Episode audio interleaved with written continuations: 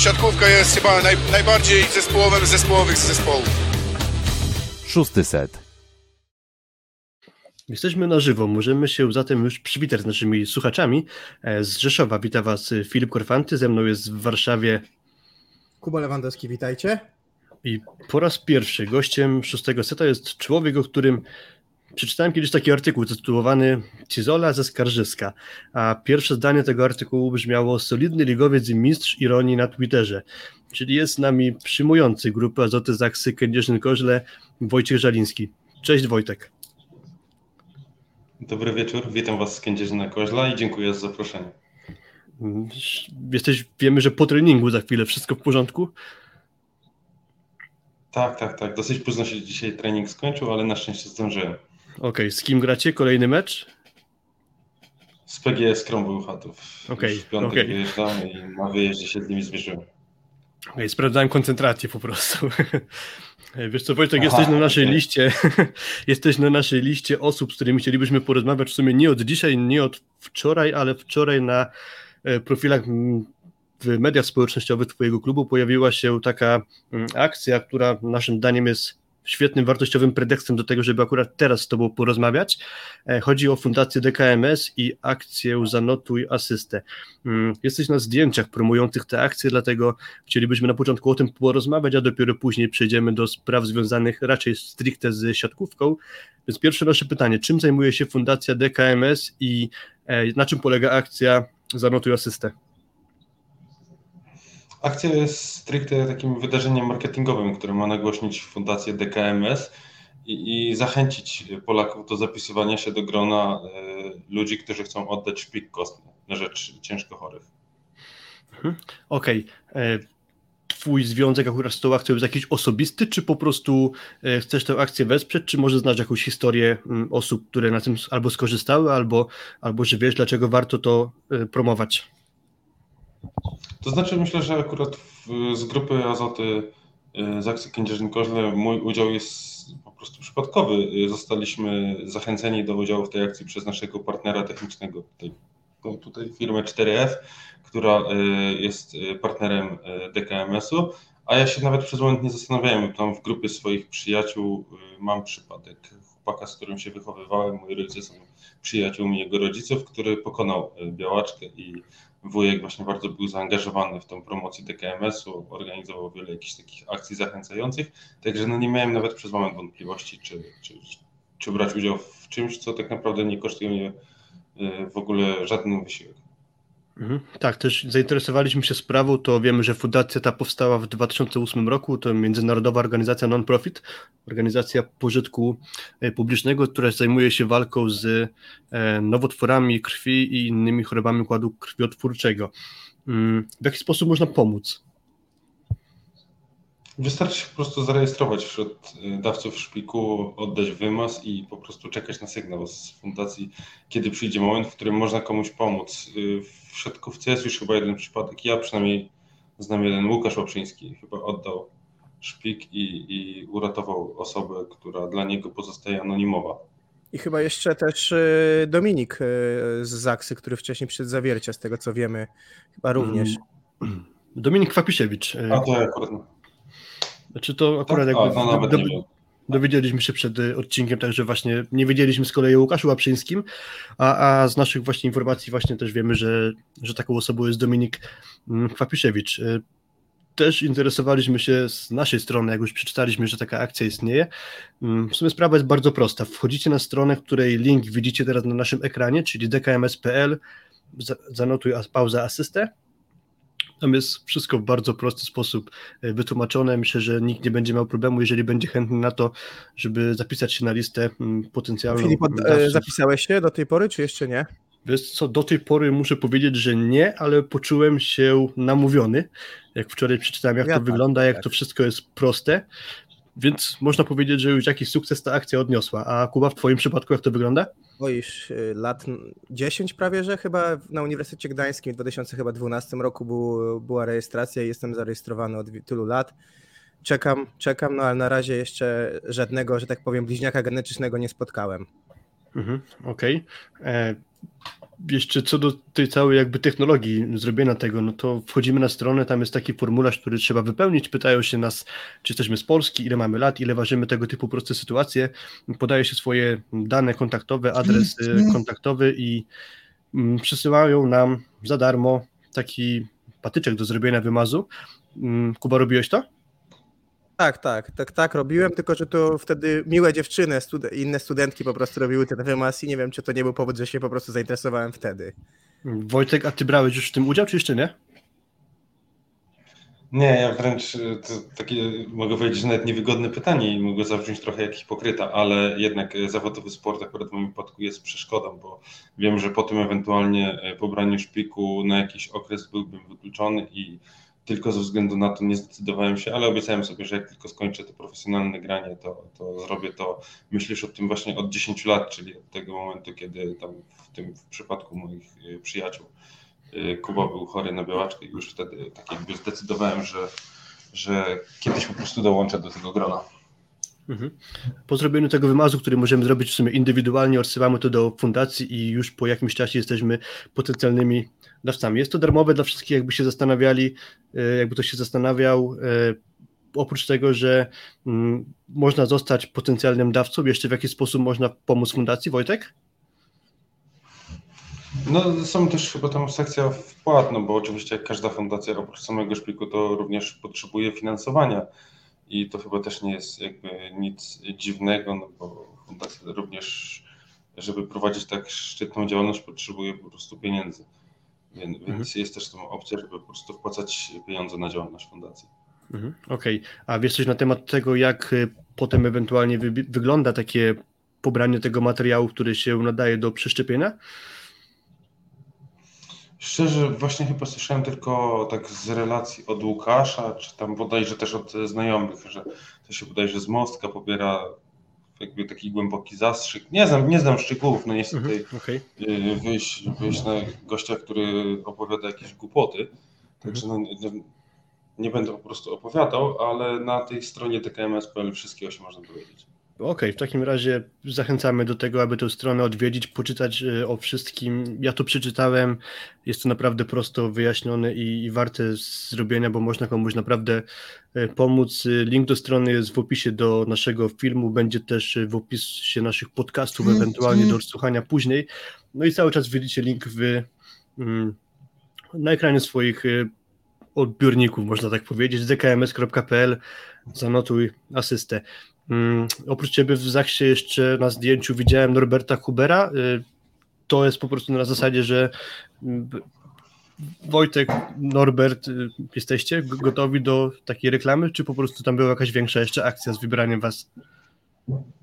Yy, nie wiem, może co decydowało, dziewczyny z marketingu zadecydowało o tym, że, że ja z Norbertem, może to, że Norbert jest chyba królem Instagrama wśród Zachsiaków, yy, ja tak, trzeba też zadbać o zasięgi. dokładnie, wśród Twitterowiczów i tak przynajmniej domniemam, że o to chodziło. Tak, właśnie jak zapowiadaliśmy nagranie z tobą, to napisaliśmy, że jesteś najlepszym Twitterowiczem wśród siatkarzy albo najlepszym siatkarzem wśród Twitterowiczów, coś takiego. E, no, w ogóle miło. do tych jeszcze wątków, powiedzmy, mediów społecznościowych pewnie wrócimy e, trochę później, natomiast też chcemy z Tobą porozmawiać o sporcie, czyli o tym, że jak doszło chociażby do tego, że masz na sobie mm, koszulkę Twojego obecnego klubu, którym jest teraz y, właśnie grupa Zoty Zaksa Kędzierzyn-Koźle. Mm, zamieniłeś Olsztyn na Zaksę. Mm, co to było kierowało? No, ja myślę, że to stricte jakby takie spełnienie marzeń i chęć spróbowania gry, ogólnie można to nazwać nagrą czy pobytu w klubie, który grał najwyższe cele, chęć spróbowania zagrania w europejskich pucharach. No w momencie, kiedy się zdecydowałem na przyjście do Zaksy, to e, nie było jeszcze wiadomo, że Zaksa będzie grała o medale Ligi Mistrzów, ale powiedzmy na tamten, na tamten moment sezonu już można było przewidywać, że, że znajdzie się wśród finalistów plus ligi, przynajmniej jeśli chodzi o tą dominację e, sportową i że w przyszłym sezonie znowu będzie okazja pograć w Lidze Mistrzów i tylko, tylko i wyłącznie ze względu na to, że zdecydowałem na, dołączenie do grupy Azoty. Hmm, czyli można w skrócie powiedzieć, że po prostu liczysz na to, że pierwszy raz w karierze sięgniesz po medal plus ligi. Chociażby plus ligi no, przynajmniej. Zdecydowanie to. Tak, tak, oczywiście, to jest cel numer jeden. To ani ja, ani chyba nikt wśród moich kolegów, wodarzy klubu, sponsorów, całego środowiska Koźla nie ukrywa, że tutaj jest oczekiwanie na medal. Mhm. To jest tak, że trafiasz do klubu, gdzie na przyjęciu są Kamil Semeniuk, Aleksander Śliwka, mm, gracze, którzy stanowili no, trzon tego zespołu i to jest ten trzon, który akurat pozostał niezmieniony, bo część graczy odeszła, ale to na innych pozycjach. Mm, czujesz, jaka to może być twoja rola w tym zespole, bo na razie właściwie nie grałeś prawie wcale. Nie no, zdecydowanie. Y, w momencie, kiedy jakby dostałem propozycję, kiedy się zdecydowałem, nikt nigdy mi nie powiedział, że ja będę czwartym, trzecim, drugim, pierwszym. Po prostu propozycja była, dotyczyła do, dołączenia do drużyny. No ale mając 33 lata i po 15 latach grania w lidze, no to wiem, jak się zespoł buduje i naprawdę byłbym bardzo naiwny, gdybym liczył, że ja teraz wyrzucę z szóstki Semena albo Śliwę. No, prawda jest taka, że rolą moją i Adriana jest po prostu naciskanie na chłopaków, motywowanie ich na treningu y, i, i pomoc w, tylko w tych momentach, kiedy drużyna będzie tego potrzebowała. Okej. Okay. Ty zdrowotnie masz się dobrze, wszystko w porządku? Myślisz, że gdyby doszło do tego, że miałbyś zagrać cały sezon, to wszystko byłoby uważać ok? Pomijając takie, nazwijmy to, losowe wypadki? E, no, dziękuję za pytanie o zdrowie. No, nie narzekam, odpukam tutaj drewienko, bo e, do momentu zakończenia sezonu w Olsztynie to tak samo sobie liczyłem, że to był dziesiąty sezon z rzędu, który rozegrałem od deski do deski. E, wypadałem tylko chyba w treflu 7 meczów na ławce takich po prostu decyzją sportową trenera i w Radomiu bodajże dwa albo trzy razy byłem chory. Jakiś tam jelitówka, grypa, coś takiego. Więc no, na zdrowie na szczęście nie mogę narzekać. W tym kontekście mam takie pytanie dosyć ciekawe, bo czy inny jest sposób przygotowania do meczu, kiedy przez 10 lat jakby byłeś prawie zawsze pewny miejsca w szóstce? Oczywiście tu upraszczam, tak, bo to zawsze była kwestia treningów, ale mhm. czy jest zupełnie inny sposób przygotowania do meczu, kiedy wiesz, że zagrasz, a kiedy spodziewasz się, że pewnie zaczniesz mecz w kwadracie? Czy to jest raczej tak, takie nasze gadanie ludzi, którzy jakby nie mają doświadczenia? Znaczy, szczerze powiem, że jeśli chodzi o trening, niczym się to nie różni. No, musiałbym być po prostu oszustem, oszukiwać siebie i swoich kolegów, gdybym na treningu na przykład miał nie dawać siebie wszystkiego tylko dlatego, bo wiem, że w sobotę y, nie wyjdę w meczu. No, teraz w sobotę w Bełchatowie na 99% nie wyjdę w pierwszej szóstce, a przez to wcale moje zaangażowanie w trening nie jest mniejsze niż wtedy, kiedy miałem pewne granie. No właśnie, bo to nigdy nie wiadomo, zwłaszcza w takiej sytuacji, jaka jest y, teraz, że pewnie już wiedziałeś, to czy dotarło do ciebie, że w piątek chociażby Beniaminek plus Ligi zagrał swój mecz bez pierwszego rozgrywającego, bez Grzegorza Pojąka, który no, został zakażony koronawirusem i musiał grać Igor Gniecki, także tu nigdy w sumie nie wiadomo, e, czy nagle coś takiego niefortunnego się też nie przydarzy Ale w innych tak zespołach. Było przy, przy memoriale, prawda, że dość późno się dowiedziałeś, że Semen nie jedzie?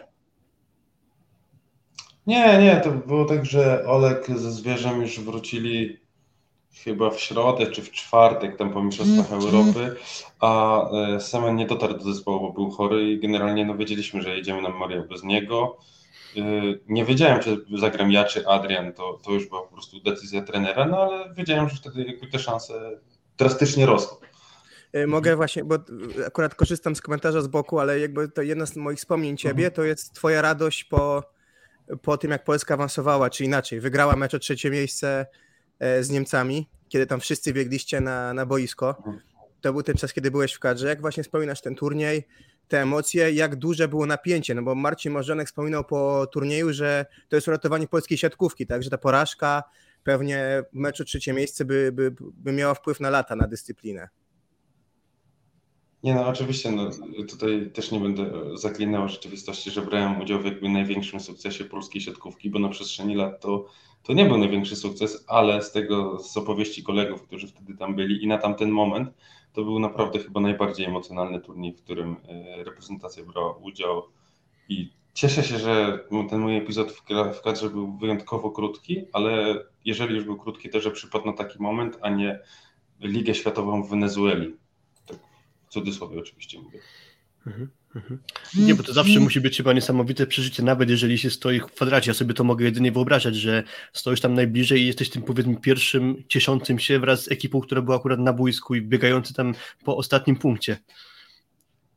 Nie no, wtedy zdecydowanie to było takie napięcie emocjonalne meczu, że trener na pewno nie myślał y, o rezerwowych w kontekście jakby pomocy, tylko po prostu kibice z najlepszym miejscem na hali. Mhm. Tak, no to, to, to właśnie tego na pewno można pozazdrościć, że akurat większość oglądała to z perspektywy telewizora, ty byłeś tam na miejscu i ta wspólna wasza radość e, mocno mi zapadła w pamięć.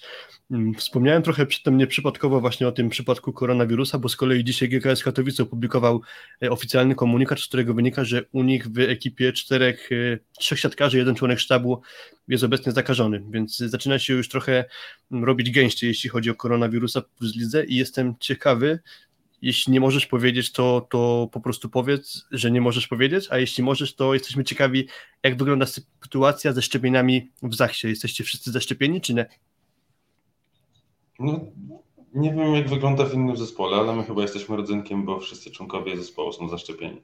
No, generalnie nikt na nas jakby tej sytuacji nie wymuszał i nie było jakby stawiania pod ścianą z pistoletem przy głowie, tylko chyba każdy miał świadomość, co nas w tym sezonie czeka, wyjazdy zagraniczne, planowane klubowe Mistrzostwa Świata i po prostu chyba wiem, chęć uwygodnienia sobie życia i każdy zdecydował się sam bez żadnych nacisków na to, żeby przyjąć szczepienie. Mhm. Okej, okay, a w takim razie, jeżeli zaszczepieni jesteście, to możesz potwierdzić, że w takim razie nie przechodzicie testów przed meczami? Tak, tak, tak. Ja nie, od momentu, kiedy przyjąłem szczepionkę w kwietniu, maju, to ani razu nie byłem testowany. Mhm, Okej, okay, a w takim razie znacie jakieś procedury, które ewentualnie byłyby, gdyby się okazało, że któryś z Was jest zakażony? Szczerze powiem, że nie. Nie, nie znam takich procedur. No na pewno jak to po prostu byśmy zostali objęci izolacją z nakazu sanepidu, a nie wiem jak ta procedura wygląda ze strony ligi. No szczerze nie, nie interesuję się tym, bo jakby nie chcę może krakać, nie chcę zapeszać. Mam nadzieję, że mojego zespołu to nie będzie dotyczyć taka historia, jak jest teraz w Katowicach. Okej, okay, bo też pytam o to w takim kontekście, że dzisiaj Kamil Składowski na Twitterze napisał, że procedury mniej więcej są takie, że jeżeli jest 8 graczy dostępnych do grania i w tym jeden rozgrywający, to powinno się grać. GKS Katowice poprosił o to, żeby ich najbliższe spotkanie z Olsztynem zostało przełożone ze względu na ich sytuację. Tam jeszcze dodatkowo pojawił się wątek tego, że Tomasz Russo został jakby pobity, w skrócie mówiąc, e, to tylko ograniczając się do komunikatu klubu, więc jeszcze Tomasz Russo e, wypada mm, z grania, ale, ale tutaj sytuacji może nie będziemy rozwijać, bo, bo nie czujemy się na tyle dobrze poinformowani jeszcze. Mm, pytanie zatem jest takie, załóżmy, że dowiadujecie się, że GKS Katowice gra akurat z wami, dowiadujecie się o sytuacji, że e, mają niezdolny do grania pięciu zawodników. Jest to sytuacja dosyć, można powiedzieć, po prostu losowa. Akurat trochę pechowo na nich padło. Jakie ty masz zdanie? Przekładamy ten mecz, czy powinniśmy grać? Ja myślę, że jeżeli sytuacja dotyczyłaby osób wszystkich zaszczepionych, to chciałbym, żeby w takiego meczu nie grali, bo wiedziałbym wtedy, że te osoby zrobiły wszystko, żeby mecze się odbywały, żeby jakby ta ciągłość była y, po prostu kontynuowana. Jeżeli dotyczyłoby to osób, które nie były zaszczepione i świadomie jakby przyjęły to ryzyko, no i za nim gramy. Mhm. Okej, okay, no a zakładając, że to dwóch rozgrywających niedostępnych do grania? No nie, to na to chyba już jest regulamin, który tam mówi, że dwóch musi być. No tak, tak, jakby to było takie pytanie zaostrzone. że jeden... Tak, to akurat z tych wszystkich jakby podpunktów regulaminu, to ten akurat znam, że ma być jeden rozgrywający zdrowy. Także jeżeli dwóch by było kontuzjowanych, to od mojego widzimy się nic nie zależy, tylko wtedy już regulamin zabroni gry. Mhm.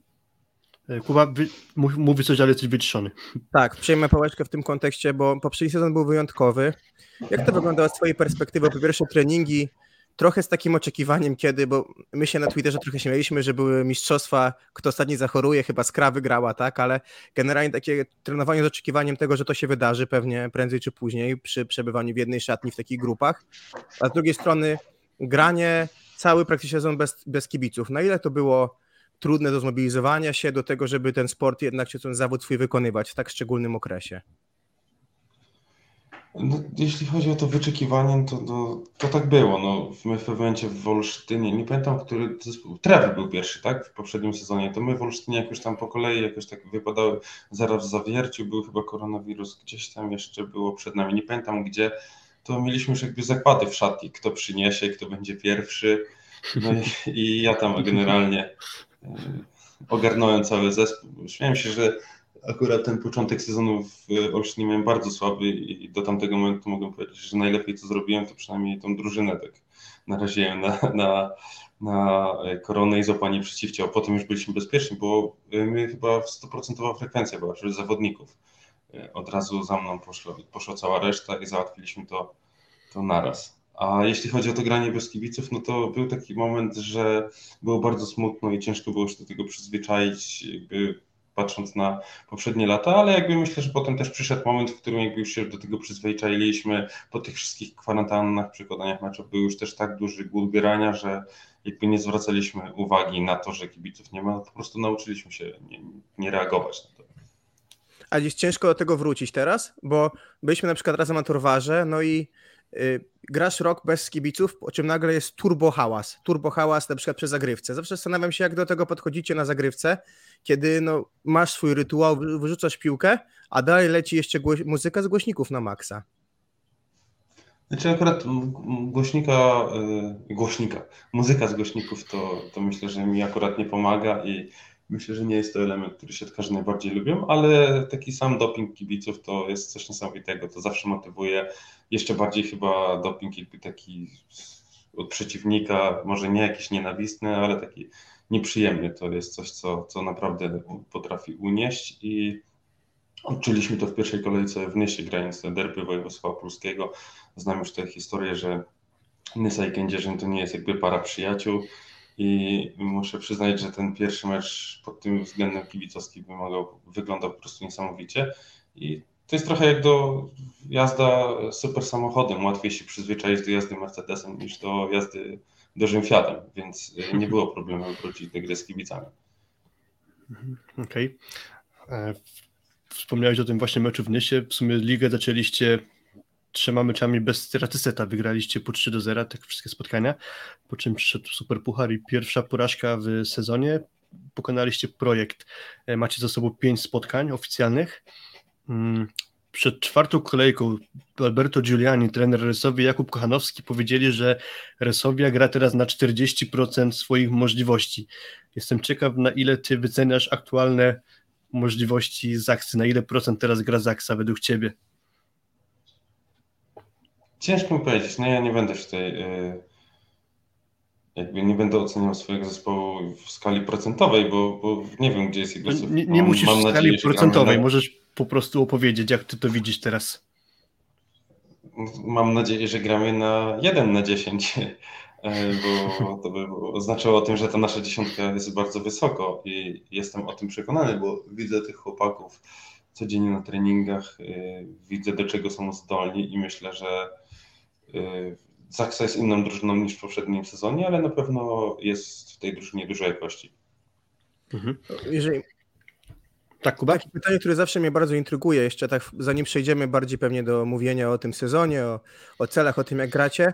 E, granie z Davidem Smithem, to jest pytanie, które bardzo chciałem zadać. E, czy rzeczywiście jest tak, że, że, że ta reguła, którą kiedyś opracowano w USA, tak na tej uczelni, jego reguła dalej istnieje, czy dzisiejszy sprzęt już na tyle pozwala mu grać, że, że jakby druga piłka nie zawsze jest jego, na treningach chociażby?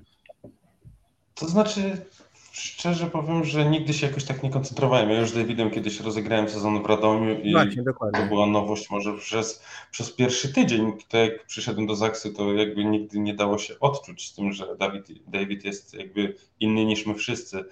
Yy, oczywiście komunikacja z nim jest troszeczkę trudniejsza, bo jednak lepiej się komunikować twarzą w twarz. On tych dźwięków nadchodzących z tyłu czy z boku nie zawsze rozróżnia, nie zawsze dosłyszy, ale w takiej komunikacji, tak jak mówię, twarzą w twarz nie ma żadnego problemu. Ale na meczach trzeba przyznać, że ta, ta reguła, że jeżeli David się zbiera z kimś do piłki, no to ten, ten drugi ktoś może ulec kontuzji, jeżeli tam do końca będzie walczył, bo David zawsze idzie do końca. Ale tego się można szybko i łatwo przyzwyczaić. Tym bardziej fajne w tej jego historii jest to, że chociażby w zeszłym sezonie David Smith, wiadomo, e, ze, swoją, e, ze swoim problemem ze słuchem e, wygrał Ligę Mistrzów, więc to nie jest tak naprawdę, jak się bardzo chce, to pewnie żadna taka przeszkoda. No i jeszcze w finale grał nie, no kapitalnie, no jego fantastyczny był występ w finale jego. Nie, no zdecydowanie to David myślę, że nie musiał wygrywać Ligi Mistrzów, y, żeby udowodnić komuś, że jest bardzo klasowym siatkarzem. No, 4 lata, 5 lat temu y, został medalistą olimpijskim, przez tyle lat się utrzymuje w topie, gra w szóstce, y, jakby tu powiedzieć, no, jednej z najlepszych reprezentacji na świecie. Także ta, ta Liga Mistrzów to była jakby tylko dodatkiem do tego, żeby, żeby upewnić się, że on jest naprawdę wielkim siatkarzem. Mhm. Nie ma dzisiaj z nami Piotra Słocha, ale widzę, że pojawiają się komentarze z naszego konta na YouTubie. W takim razie, Wojtek, jak oceniasz współpracę z trenerem Kretu? Ja muszę przyznać, że jestem bardzo pozytywnie zaskoczony, bo y, Kretu ma bardzo dobrą opinię wśród zawodników w Polsce i jak już wiedziałem, że zostanie trenerem Zakrze i mam wielu znajomych, którzy już z nim kiedyś pracowali i tak naprawdę nikt jeszcze nie pojawił się jakaś zła opinia o nim i też byłem taki pozytywnie nastawiony do tego, e, do, na tą współpracę i muszę przyznać, że, że jakby nie zmieniłem swojego zdania. Tak naprawdę pojawiłem się na boisku dwa razy na jakby krótkie momenty i mógłbym, nie wiem, strzelać w fochy w cudzysłowie, że trener to o mnie zapomniał, a wcale się tak nie czuję. Pomimo tego, że mało gram, to nie czuję się zapomniany przez trenera, a to jest jednak duża sztuka, żeby tak zarządzać zespołem, żeby to ten ostatni zawodnik czuł się potrzebny, a nie ten pierwszy. Mhm. A to jest, na jakiej zasadzie czujesz właśnie to, że jest ok, że może nie zagrasz akurat, ale czujesz się w tym zespole w porządku. Chodzi o to, że trener Kretu na przykład bardzo dużo z wami rozmawia, dużo tłumaczy wam waszą rolę na boisku, czy może czym to się objawia? E, to znaczy, to nie chodzi o samą rozmowę, po prostu trener poświęca mi dużo czasu. Tak naprawdę jestem starym 33-latkiem, rezerwowym tak naprawdę, którym on nie, nie powinien się martwić, bo ma dwóch chłopaków, którym może orać ligę i tak naprawdę wygrywać z większością zespołów w tym Polsce, a były momenty, gdzie on mnie namawiał na jakieś dodatkowe treningi, próbował mi wprowadzić jakieś takie udoskonalenia techniczne, gdzie tak naprawdę no, nie musiał tego robić, a jakby chociażby takie zachowanie pokazuje mi, że nie wiem, trener na mnie liczy, że mogę się czuć potrzebny w jego teamie. Do, bardzo się interesujesz piłką i, i, i, nożną i nie wiem, czy wiesz, że Grzesiek Mielcarski jak grał w Porto, on tam był ostatnim rezerwowym, a mówił, że Bobby Robson wtedy z nim spędzał więcej czasu niż z żoną swoją, więc pewnie to też jest jakaś metoda, żeby trzymać szatnię zgraną i też dawać znać też zawodnikom rezerwowym o tym, że są istotni, no bo wiadomo, zawsze przychodzi taki mecz, kiedy trzeba pokazać swoje, trzeba dać swoje z ławki, no bo jednym składem no ciężko, co pokazał poprzedni sezon Zaksy, jednym składem jest bardzo ciężko e, wszystko osiągnąć, nawet jeżeli ten skład wygląda przez 90% sezonu fenomenalnie. Nie, no zdecydowanie, zdecydowanie na pewno przecież nie łudzę się, że przyjdzie taki moment w tym, w tym sezonie, że któryś z rezerwowych będzie potrzebny i tak naprawdę wtedy e, objawi się siła tego zespołu. No. Jest jakaś taka prawda i półprawda, że jesteś tak dobry jak twój najgorszy zawodnik czy ten najsłabszy element. I, I, myślę, że coś w tym jest, że trzeba być przygotowany na takie najgorsze warianty, no bo co by było, gdyby na przykład odpukać, tfu, wypadł Łukasz Kaczmarek, Kamil Semeniuk czy Olek Śliwka, co mielibyśmy się poddać i położyć, powiedzieć koniec z akcji. No nie, no my pracujemy na to, żeby w takim momencie jak najmniejsza była strata na jakości. Mhm. Jesteś z tym zespołem na co dzień, doskonale widzisz, co się u Was dzieje. W takim razie jestem ciekawy Twojej odpowiedzi na takie pytanie, bo mm, dosyć łatwo kalendarzowo rozpoczęliście ligę. Jak wspominałem, przedtem nie przegraliście żadnego seta, ale już grając w Superpucharze ze Strzemskim Węglem i grając kolejne spotkanie z projektem Warszawa, pojawiły się takie jakby pierwsze, można powiedzieć, rysy na Waszej dyspozycji. Mam na myśli chociażby to, że gołym okiem widać, jak Wy dosyć y, często, jak na tę zaksę wcześniejszą sprzed poprzedniego sezonu, tracicie duże przewagi. Mm, super Puchar w pierwszym secie e, szybko odjechał Jastrzębski Węgiel i nie dogoniliście ich, ale w drugim straciliście przewagę 16-12, w trzecim 15-10. W trzecim też. Tak, 15 do 10 prowadziliście. Tak, tak, tak. No, 16-12 albo 15-10 chyba nawet było. I w tym meczu z mhm. projektem w pierwszym secie 12 do 7 e, mieliście przewagę. Z czego twoim zdaniem to wynika? Ja myślę, że nie ma to jakby ukrytej teorii w tym. Po prostu graliśmy z zespołami, które są zdolne do tego, żeby rywalizować z Saksą. No, oczywiście w Superpucharze Polski bardzo żałujemy, bo to jakby mecz bez drugiej szansy i po prostu przegraliśmy mecz, w którym powinniśmy prowadzić 2-1 no ale stało się i tak naprawdę już nie ma co do tego wracać, a w meczu z projektem rzeczywiście no, ten pierwszy set był dziwny, bo ja tak z boku, patrząc nie miałem ani przez moment wrażenia, że y, Warszawa zasłużyła na to, żeby pierwszy set wygrać, a jednak y, okazali się lepsi. Także niby można byłoby się martwić tym, że straciliśmy przewagę, ale no, trzeba docenić też klasę rywala. No, nie gramy przeciwko sześciu pionkom po drugiej stronie, tylko przeciwko klasowym drużynom, które też są zdolne do tego, żeby grać dobrą siatkówkę. Mm, z Jastrzębskim Węglem przegraliście 0 do 3, ale tam ekipa, która też trochę transferów porobiła. Jestem w takim razie ciekawy, myślę, że oni będą znacznie silniejsi w tym sezonie niż w tym poprzednim? Ja mam też takie jakby krzywe spojrzenie na Jastrzębski Węgiel z poprzedniego sezonu, bo ja z poprzednią drużyną mierzyłem się jakby z tą chyba najgorszym wersją Jastrzębskiego Węgla, która zwalniała trenera. My w nie wygraliśmy z nimi za trzy punkty, trzy dni później tym przegraliśmy po tej breaku i nie wydawali mi się tak mocni, żeby włączyć się do gry mistrza, a, a potem y, pokonali Zaksę, która zdominowała całe rozgrywki. No, po tym meczu Super Puchar, y, no muszę przyznać, że Jastrzębski jest y, bardzo mocny i na pewno jest chyba w tym momencie głównym faworytem do złota, ale najbardziej cieszy, że pomimo tych głośnych transferów, nazwisk mistrzów olimpijskich, to chyba nie skłamię, że najważniejszym zawodnikiem e, jest Tomek Fornal, no nie? czyli ten nasz młody Polak i mój dobry kolega z Radomia. Że to jest też jakby taki element, że pomimo przegranej to troszkę mi się tam jednak usta cieszyły.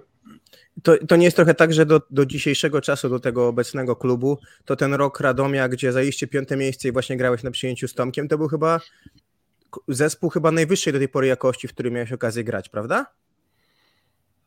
E, tak, tak, zdecydowanie. Znaczy myślę, że jeszcze ten sezon za Raula Lozano to był taki moment, w którym e, zajęliśmy szóste miejsce, bo posypaliśmy się w końcówce, tam doszła zmiana trenera, bo właśnie Raul e, tam uciekł do Iranu i tak by tą końcówkę już położyliśmy, ale myślę, że przez dłuższą część sezonu w tamtym sezonie jakby była chyba wyższa jakość niż w tym w którym zajęliśmy piąte miejsce, ale ten zespół z piątego miejsca z Radomia to wspominam najlepiej jako takich e, atmosferę w zespole i jakość gry, którą prezentowaliśmy.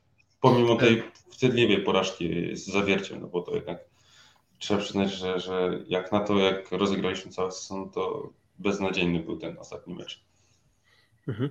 E, muszę się dopytać o to, co powiedziałeś, bo powiedziałeś, nie wiem, czy dobrze zrozumiałem słowo, uciekł czy poszedł Lozano do Iranu? Znaczy poszedł, uciekł, to powiedziałem to w takim kontekście, że powiedzmy przeniósł się do Iranu przed zakończeniem sezonu. Okej, okay, właśnie to... chodziło mi o to, czy w jakichś negatywnych stosunkach się rozstaliście, czy to raczej pokojowo się wszystko rozeszło? Nie, nie, no pokojowo w tym kontekście, że po prostu byliśmy przygotowani na to, że trener może odejść, bo nie wiem, pozwalał mu na to kontrakt, pozwolili mu na to wodarze, ale w tamtym momencie byliśmy mm,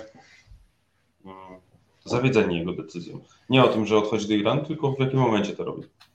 A jesteś jakby po części legendą ligi, w sensie ilości lat, jaką już grasz i, i, i w jakich drużynach i jestem ciekawy twojego zdania, co się dzieje, że coraz częściej dochodzi do sytuacji takich jak Castellani, jak Urnaut, jak Sander, czy jakaś modyfikacja, nie wiem, umów, czy trochę inny sposób postępowania prawny by to zmienił, czy to jest kwestia bardziej tego, że mm, niestety jak w każdym sporcie dopóki jest więcej zielonego, to, to takie pokusy zawsze będą.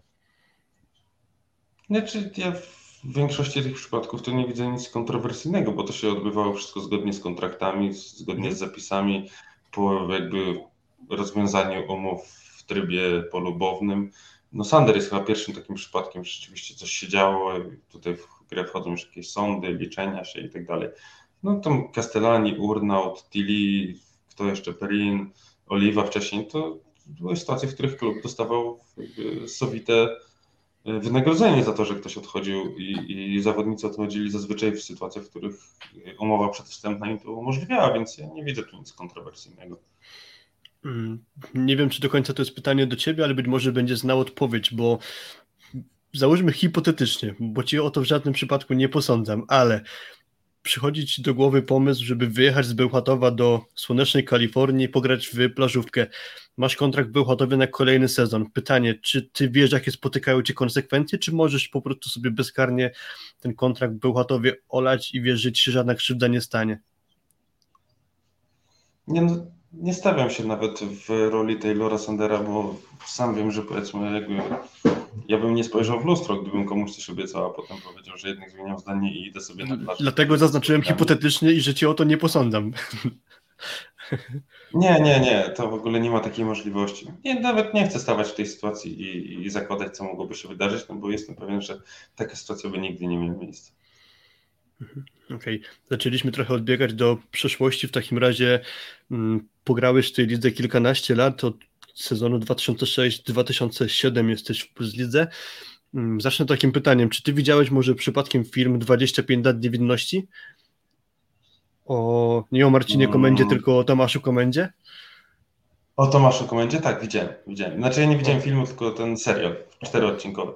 A serial, okej. Okay, w tej formie oglądałem. Ja widziałem film i mnie taka scena zaciekawiła, bo akurat Tomka Komendę wieźli w filmie z więzienia w jakieś miejsce, chyba w Warszawie i nie pamiętam w jakie miejsce i zobaczył telefon komórkowy, gdzie była mapa Google'a włączona i akurat tam lektor mhm. coś powiedział, że nie wiem, skręć w prawo, coś w tym stylu i ten Tomasz Komenda tak się zdziwił, mm, gadający telefon, coś takiego, czyli jakby widać, że przez jego 18 lat nie swojej, niestety, jak się okazało, od siatki, jak mocno poszedł świat do przodu. Ty zaczynając karierę w Plus Lidze, zakładając, że cię zahibernują, budzisz się dzisiaj, jak myślisz, co najbardziej w siatkówce by cię zdziwiło? Ojejku. E, chyba te fajne hale, na których e, nam przychodzi teraz grać mecze, bo jest dużo lepiej niż e, w tym momencie, w którym ja zaczynałem. Oczywiście tamte miały jakby te pozytywy, no klimat hali Polonia, Jastrzębie Borynia. Było w tym coś naprawdę takiego fajnego i magicznego, ale no teraz naprawdę można czuć dużą przyjemność grania w takich nowoczesnych halach, te Suwałki, Lubin. To mi tak przychodzi jakby jako pierwsza myśl. To myślę, że te hale najbardziej się zmieniły. Co jeszcze? No na pewno piłka, no bo wtedy była jeszcze chyba ta z trzema paskami. Więc to jest śmiech, bo teraz zawodnicy, którzy jakby już decydują o rolach y, swojego zespołu o, medalach w Lidze pewnie nie widzieli jeszcze tej piłki na oczy, prawda? No nie, to tak dawno było. A, a, a trochę nie styl gry, bo pamiętasz, y, ja chłopakom na grupie wysłałem yes. skrót, wiesz co, Mediolan, przepraszam, w Mediolanie był Final Four i grała Zaksa z Paryżem, 2003 rok. I Sebastian Świderski, który kończył mecz z tak highbola dużego, którego sobie nie wyobrażam dzisiaj. I jakby chyba też tempo gry się strasznie zmieniło, co? Nie, zmieniło się, zmieniło. Mi się wydawało taki z pozycji boiska, że tego nie widać, ale też jak w zeszłym roku przyszedł ten lockdown i, i były powtórki tych czterech meczów i oglądałem te Mistrzostwa Świata 2006 rok za Raula w Japonii i wydawało się, że to była tak mocna drużyna, a teraz rok temu to oglądając, to Boże, jak oni wysoko grają, no nie? Tak. I tak naprawdę chyba ta, to był też pokaz, jak daleko w przód uciekła ta Brazylia, która tak naprawdę grała chyba tak, jak się gra teraz po prostu. Mhm. No nie? A, a ci Polacy, którzy grali naprawdę na niesamowitym poziomie i zrobili coś, no gigantyczny wynik. Nie wiem, czy nie w, w hierarchii wartości to czy nie ważniejszy niż te dwa następne złota, to, to grali, no nie wiem jak to dzisiaj określić, żeby nie, za, nie zabrzmieć niegrzecznie, no, ale wydało mi się wolno. Archaicznie, dokładnie. Myślę, że to dobre słowo. Mhm szukając jakby takiej różnicy też między powiedzmy rokiem 2006 a 2021 powiedzmy też pomyślałem, że taką dziwną rzeczą, którą ktoś mógłby zauważyć, 2006 rok, gramy, gramy, nagle teraz 2021 gramy i jest challenge. Myślałem, że challenge też może cię wow. jakby zainspirować, że to jest coś, co się faktycznie takiego no dziwnego wydarzyło. Nawet o tym nie pomyślałem, bo po prostu to, to, to, zrobiło się już tak powszechne, no nie, że może z 5 lat temu, nawet nie wiem ile lat temu challenge wszedł. Właśnie, właśnie o to samo chciałem zapytać, bo próbuję sobie przypomnieć i już nie jestem w stanie. lat temu, 7. No to powiedzmy 7 lat temu. No Mistrzostwa Świata na pewno już były grane z challenge'em te w Polsce. No załóżmy, że to 7 lat temu, no to przez 7 lat to już tak bardzo spowszechniało, że, że tak jak mówię, no, chłopaki, którzy już są weteranami ligowymi, nie pamiętają gry bez challenge. Mhm. Okej. Okay. Hmm. Trochę obecny sezon chcemy Cię jeszcze zapytać, nie tylko o Zaksa, ale o to, jak Ty ogólnie widzisz rywalizację, bo też trzeba przyznać, że do tej pory Zaksa akurat była, można powiedzieć, takim hegemonem ligowych rozgrywek i, i nawet w zeszłym sezonie tak to wyglądało aż do meczów y, finałowych. Twoim zdaniem ten sezon będzie bardzo różnił się od tego, co było w zeszłych rozgrywkach? Nie no, mam nadzieję, że Zaksa będzie szła przez tę ligę tak samo jak w poprzednich latach. Akurat to, na to mam największą nadzieję. No ale nie łudzę się, bo jednak rywale też y, bardzo się wzmocnili i tak wydaje mi się, że piątka może nie odstaje od reszty, ale wydaje mi się, że piątka jest troszeczkę mocniejsza niż, niż reszta. To mam na myśli Zaksę, Jastrzębie, Rzeszów, Warszawę i Bełchatów.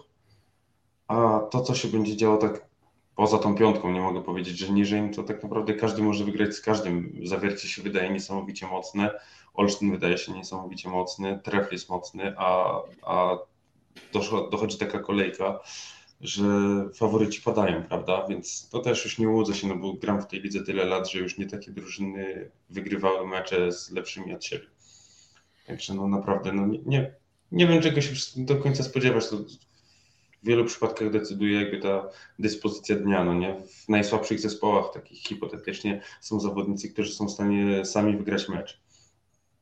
Mhm. Bo mówisz o tej rywalizacji powiedzmy z ścisłej takiej czołówki, wymieniłeś te pięć zespołów, które twoim zdaniem będą odstawać, ale też pewnie pamiętasz jak wyglądała rywalizacja z kolei o, jak to mówi Franciszek Smuda, walka o spadek, czyli o spadek. dwa sezony temu dwa sezony temu BKS Wisła Bydgoszcz, czy można powiedzieć zdecydowany outsider, sezon temu MKS Będzin, a twoim zdaniem na dole będzie to wyglądać teraz tak samo, że będziemy mieli takiego outsidera, czy może być tam bardziej wyrównana walka?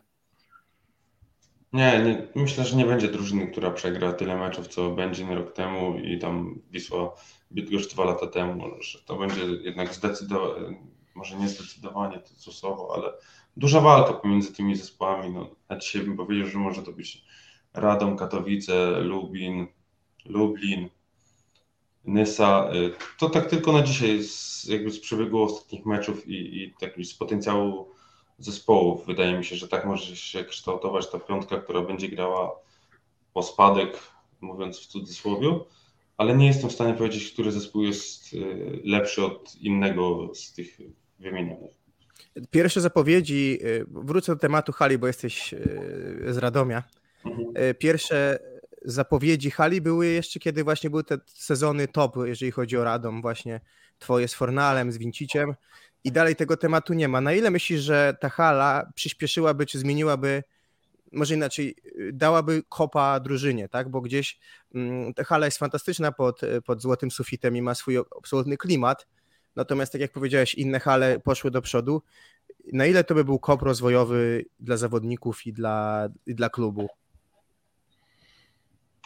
No, ciężko mi powiedzieć. No, jeśli chodzi o tą halę, to naprawdę już tak mnie znudził ten ten temat, bo ja już trzeci sezon nie gram w czarnych i to będzie chyba 5 lat, kiedy zostawałem kapitanem drużyny i miałem wyprowadzać drużynę na tą nową halę. No to klubowy już sąsiada miał już tam być tak, chyba tak, 5 tak. lat temu, jeśli dobrze kojarzę, 5-4 lata temu. Także jak odszedłem z Radomia, to przestała mnie sama ta hala tak bardzo interesować. Oczywiście no, chciałbym, żeby ona się jeszcze pojawiła. Mam jakieś takie swoje założenie, że e, zagram jeszcze jako profesjonalny sportowiec na tamtej hali ale na ile ona doda kopa klubowi, nie wiem. Myślę, że sama hala to nie, nie wszystko, no nie? Są zespoły, które mają piękne hale i właśnie trzy takie wymieniłem, prawda? Lubin i Nysa na przykład nie są faworytami o, do gry o medale, a mają przepiękne hale i tam przypłać to jest sama przyjemność, także myślę, że ani się halą nie spada z ligi, ani nie wygrywa Jasne. mistrzostwa. Bardziej chodzi o to, że w momencie, kiedy wy byliście bardzo blisko czołówki, była ta zapowiedź i nagle jest taki mhm. pewien po prostu regres, tak? I, i, I atmosfery wydaje mi się wokół klubu i, i samej formy zespołu. I, I nie chcę tutaj tego wiązać z halą, bo to jest sztuczne, no ale to jest takie najprostsze, gdzieś tam, nie wiem, rzecz, która to łączy, przynajmniej z mojej Też... perspektywy. Też od razu się pojawiło pytanie, więc uzupełnię, jak oceniasz sytuację czarnych? Czyli myślę, że po prostu powiedzmy taką naj, bardziej najnowszą historię tego zespołu, czyli może zahaczmy jeszcze o zmianę trenera Prygla, chociażby, który po wielu latach odszedł, ten aktualnie zbudowany skład. Jak ty widzisz swoją byłą ekipę? Znaczy, jak widać, na pewno myślę, że jest to słabszy zespół niż ten, z którego odchodziłem i, i to tutaj naprawdę nie da się oszukiwać rzeczywistości, no nie? Czarni, czarni jakby w tym po minionych dwóch latach nie zrobili jakiegoś takiego progresu jakościowego. Zeszły rok był średni w wykonaniu klubów, w tym roku jakby też te prognozy są nie najlepsze, no ale całe szczęście wygrali ostatnio. Bardzo ważny mecz i, i też wiemy jak, jak wiele nerwów, stresu kosztuje gra pod presją bez zwycięstwa, więc myślę, że też troszkę tego ciśnienia zeszło z chłopaków i na pewno będzie im się już grało teraz dużo łatwiej niż chociażby przed meczem z y, Gdańskim. W takim razie zostając w temacie pojawiło się kolejne pytanie o Bartłomieja Lemańskiego. E, uważasz, że on może jeszcze wejść na wysoki poziom ligowy? Bo ostatnie sezony do zapomnienia niestety. Nie, wybaczcie, ale ja nie, nie będę tutaj oceniał y, innych zawodników tak, y, w takim kontekście negatywnym, jaki chyba ktoś tam zadających pytanie by, by oczekiwał. Ostatnio czytałem bardzo dobry wywiad z Lemańskim. Chyba on jakby najlepiej ocenił tą swoją sytuację. Uśmiecham się, generalnie Wiesz co, uśmiecham się, bo akurat ja ten wywiad przeprowadzałem. Tak, tak, tak, ja wiem, ja wiem. Ja wiem, że to twój wywiad, także ja tylko mówię po prostu, że no, czytałem ten wywiad, on chyba powiedział wszystko, co, co można mu zadać, tak naprawdę przed pytaniem on już odpowiedział. I, A powiedz mi, bo autora tego pytania odnoszę od tego. Jest coś takiego, wiesz, my też jesteśmy jako, jako ludzie, którzy pracują w innych branżach coraz starsi i też mam takie przekonanie, że im jestem starszy, tym bardziej widzę wpływ życia osobistego na sport i my jako kibice oceniamy sportowców nie znając wszystkiego. Na ile was to jako sportowców irytuje?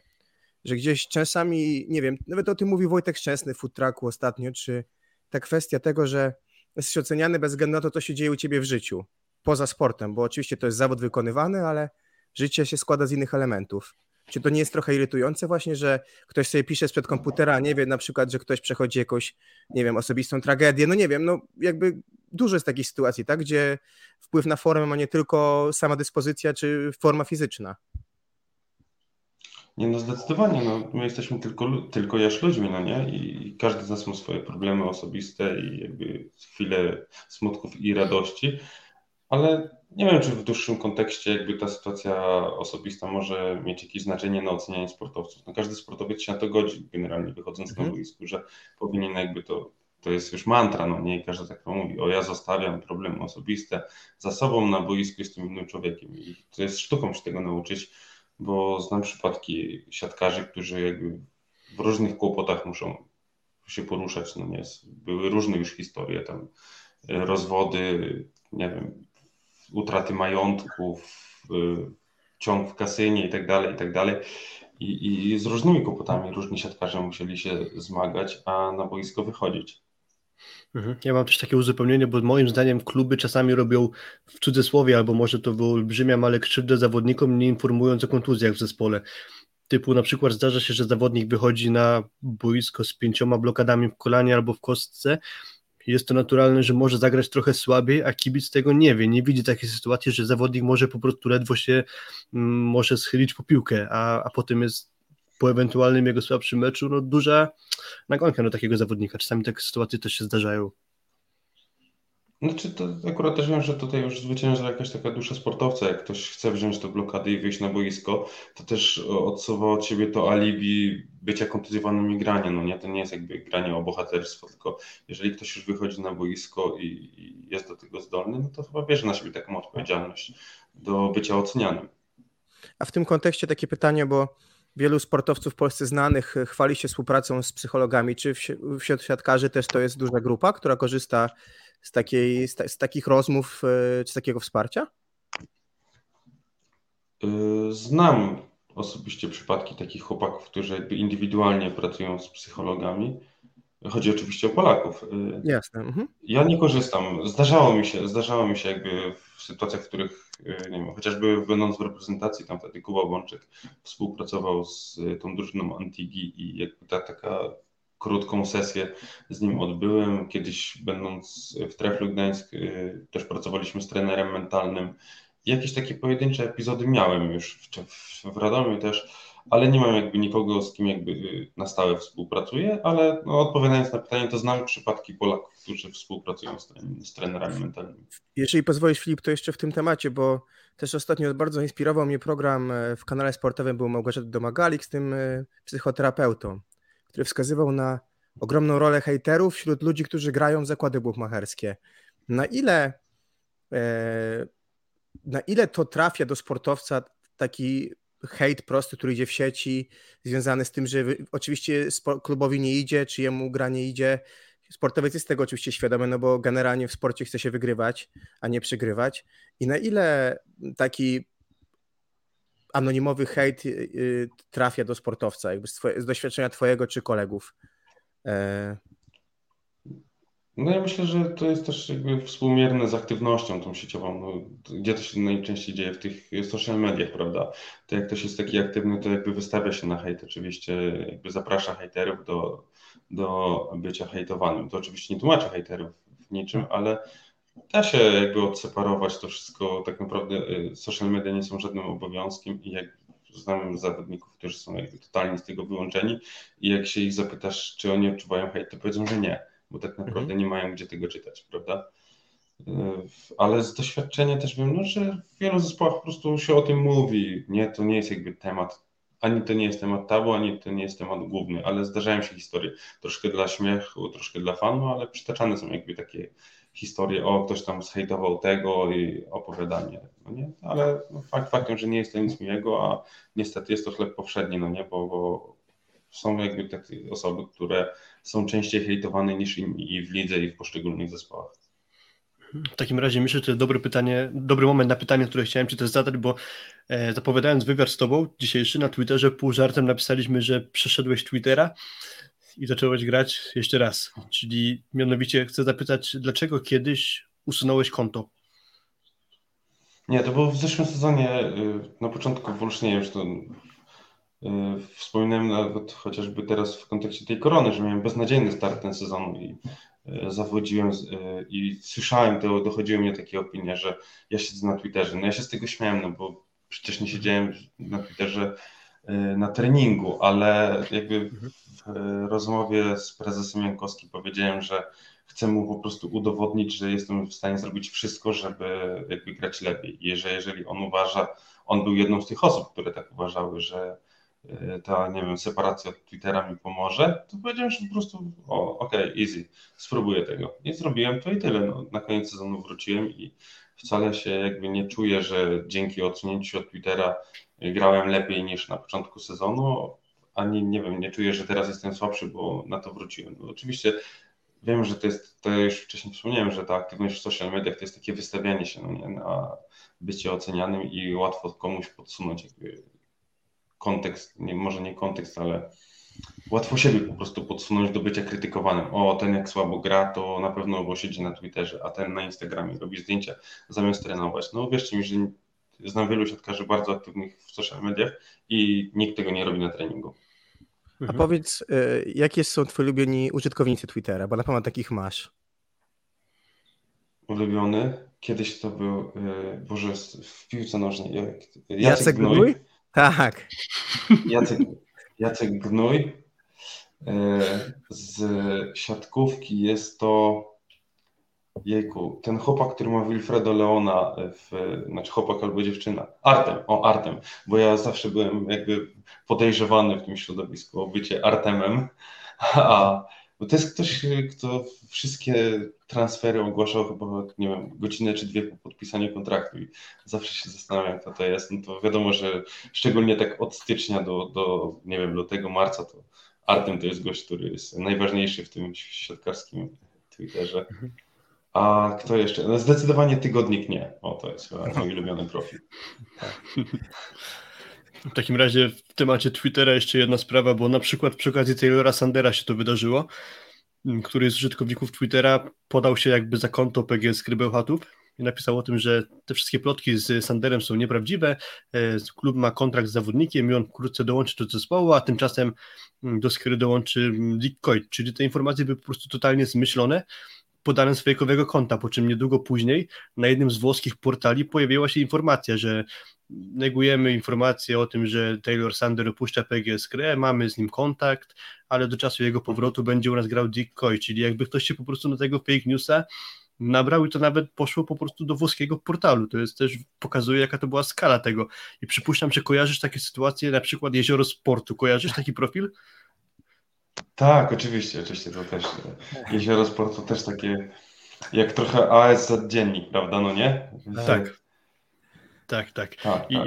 mnie takie sytuacje strasznie rozśmieszają zawsze, że ktoś jest w stanie się na to złapać, chociaż jakby nie, nie śmie się dziadku z cudzego przy wypadku, bo wyobrażam sobie, że może kiedyś, kiedyś też się na to nabiorę, ale, ale, ale zawsze no jednak jest to zabawnie. Nawet wczoraj taka sama, sto... wczoraj albo przedwczoraj, dzień po zwolnieniu Michniewicza, ktoś tam utworzył fejkowe konto Rakowa Częstochowa i podali, Tak. że Pawszyn przestał być trenerem, została rozwiązana umowa i to naprawdę tak wiarygodnie wyglądało, I że... to było na ktoś tam 90 zmienił minut.pl, wiesz? To poszło na 90 minut. Tak, tak, tak. I Ja właśnie chłopakom w szatni, zobaczcie, Pawszyn już odszedł z Częstochowy, na 90 minut napisali, no to już bardziej wiarygodnego źródła nie ma, a za chwilę patrzę na nazwę tego nika i aha. Także no, zdarzają się takie historie, nie? Mhm.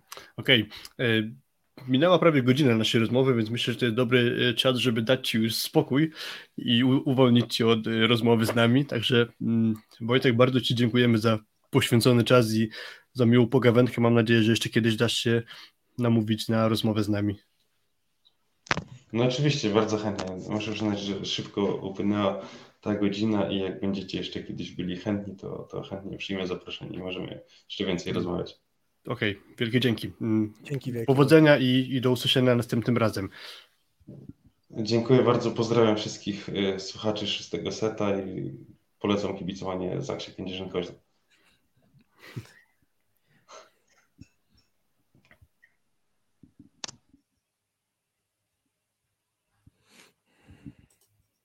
Okej. E, Wojtka pożegnaliśmy. Mamy nadzieję, że Wam się rozmowa podobała.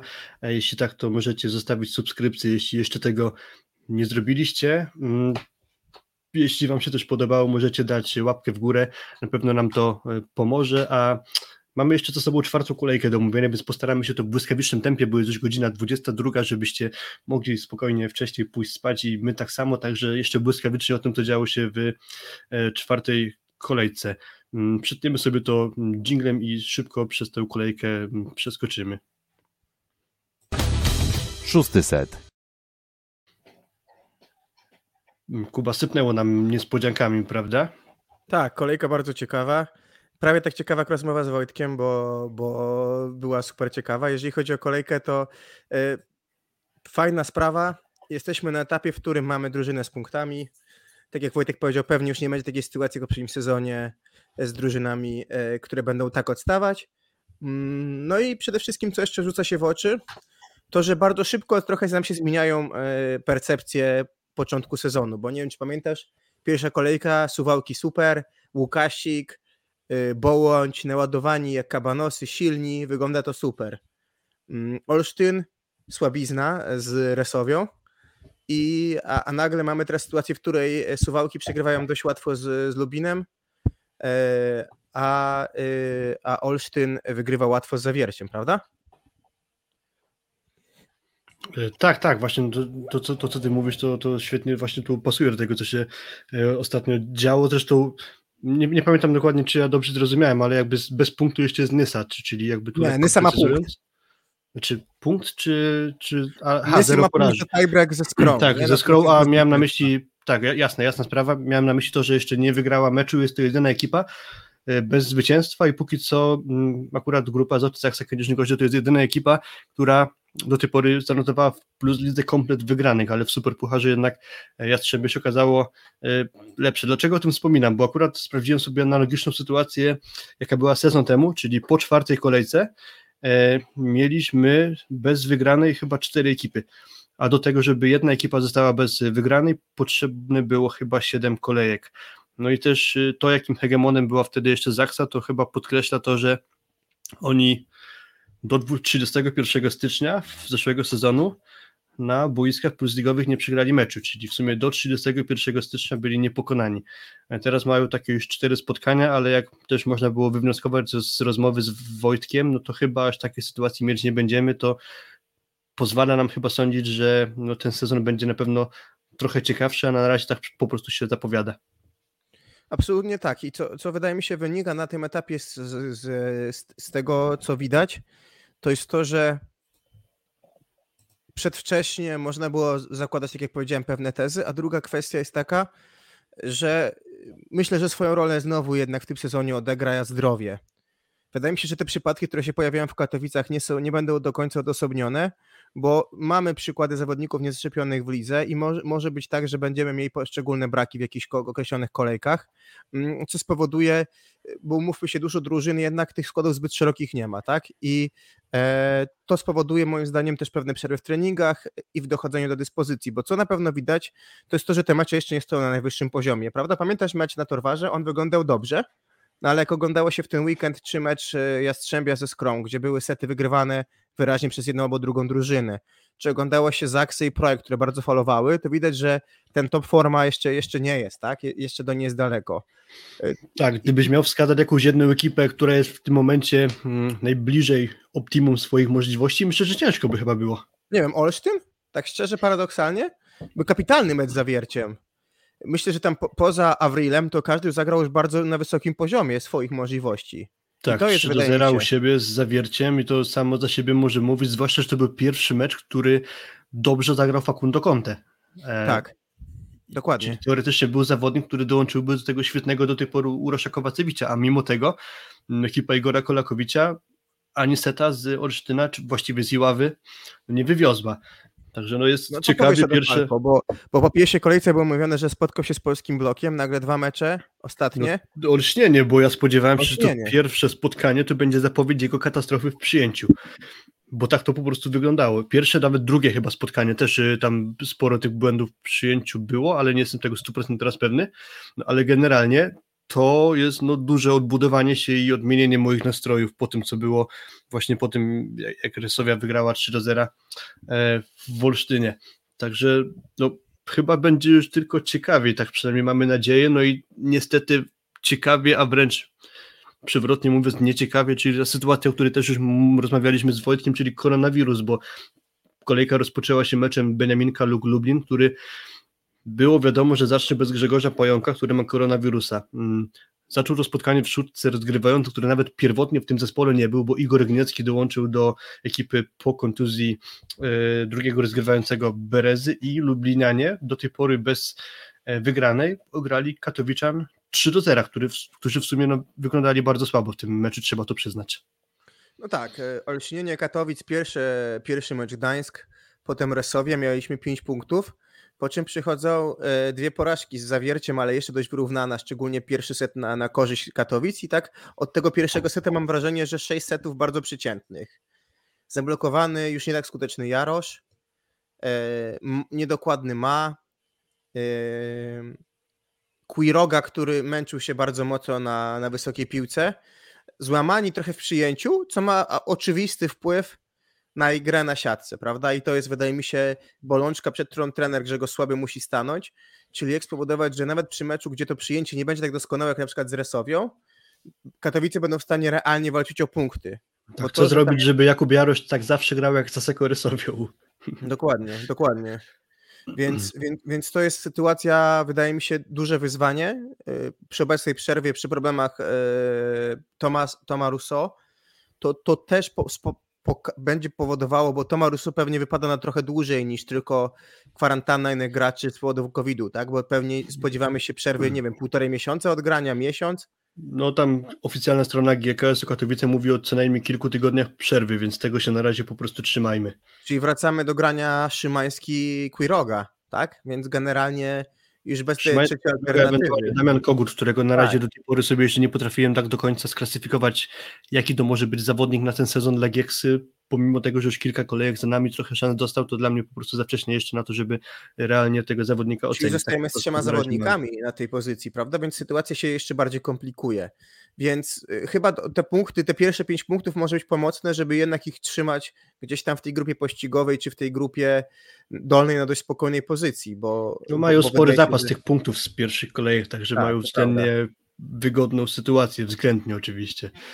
Idąc dalej według tej rozpiski strony, korzystamy z Plusliga.pl, Kuprum Lubin, mm, Ślep Smalów Suwałki, to był ten mecz rozegrany w poniedziałek, no i też to jest mecz pod znakiem pierwszego zwycięstwa ekipy Lubina. Mówiliśmy o nim wcześniej, że oni byli blisko chociażby zdobycia punktu, bo niektóre mecze kończyły się po 3 do 1, nie byli tak daleko od chociażby zagrania tiebreaka. Tutaj już bez straty seta ograli mm, Ślep Smalów Suwałki, ci z kolei Suwalczanie osłabieni brakiem Joshua Tuanigi, no i moim zdaniem ta strata jest bardzo widoczna w grze. Tak, pamiętasz w poprzednim sezonie oni próbowali przekładać mecze, kiedy nie było Tuanigi, chyba z zawierciem, prawda?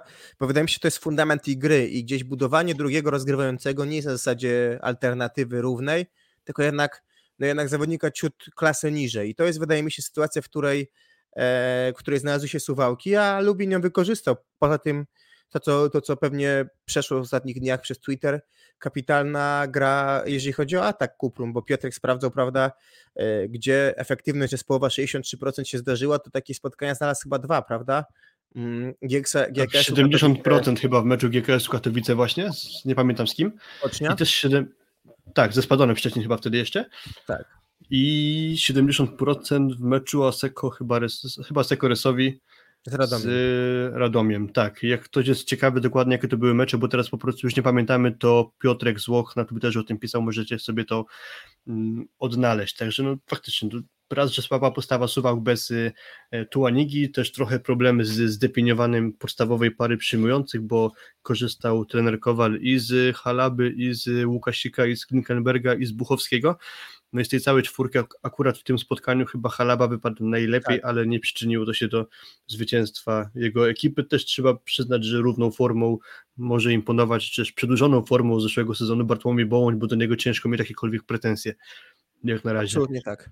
Absolutnie na razie tak, natomiast, wiesz co, wydaje mi się, że, że, że, że to będzie wyzwanie, e, jeżeli już mówimy, tak nazwijmy to, jak mówię po czterech kolejkach wyzwania i powiedziałem o Katowicach, to dla, z mojej perspektywy o Suwałkach wyzwanie jak sprawić, żeby Łukasik e, nie był szybko zdejmowany e, przez przeciwnika e, jako, jako, jako wrażliwy element w przyjęciu.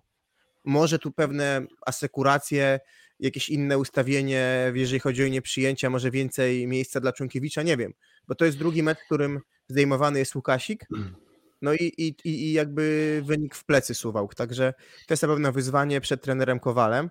No i idąc dalej pewnie, bo, bo, bo chcemy tutaj, korzystając z obecności Wojtka, wykorzystać jego czas jak najbardziej, a, a nasze mówienie skrócić dzisiaj do minimum.